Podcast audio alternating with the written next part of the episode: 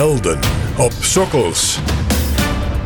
Mijn naam is Wim Berkelaar en voor de NPO Radio 1 podcast Helden op Sokkels trek ik het land door op zoek naar beelden die vraagtekens oproepen. Dat doe ik niet zomaar, want er lijkt een ware beeldenstorm op gang te zijn gekomen. Sinds de gewelddadige dood van George Floyd keren demonstranten zich steeds vaker tegen beelden. Beelden van mensen waarvan ze zeggen dat ze betrokken waren bij slavenhandel, zoals dat beeld van Edward Colston in Bristol.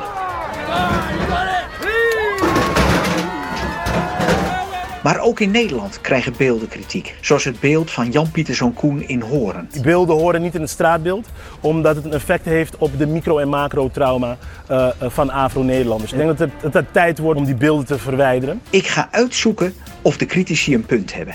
En ik ga op zoek naar beelden die op een of andere manier vragen oproepen. Dat beeld van de zwarte verzetstrijder Anton de Kom in Amsterdam bijvoorbeeld.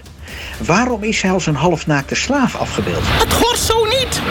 Men heeft heel veel over geklaagd, maar het, trekt de staat niets van aan. Het is zo. En meneer Anton de Kom zag er zo uit, dus blijf zo in mijn ogen niet. Ik vind het lelijk. Wat moeten we met dat soort beelden? Een bordje erbij plaatsen? Of moeten we de takelwagen bellen?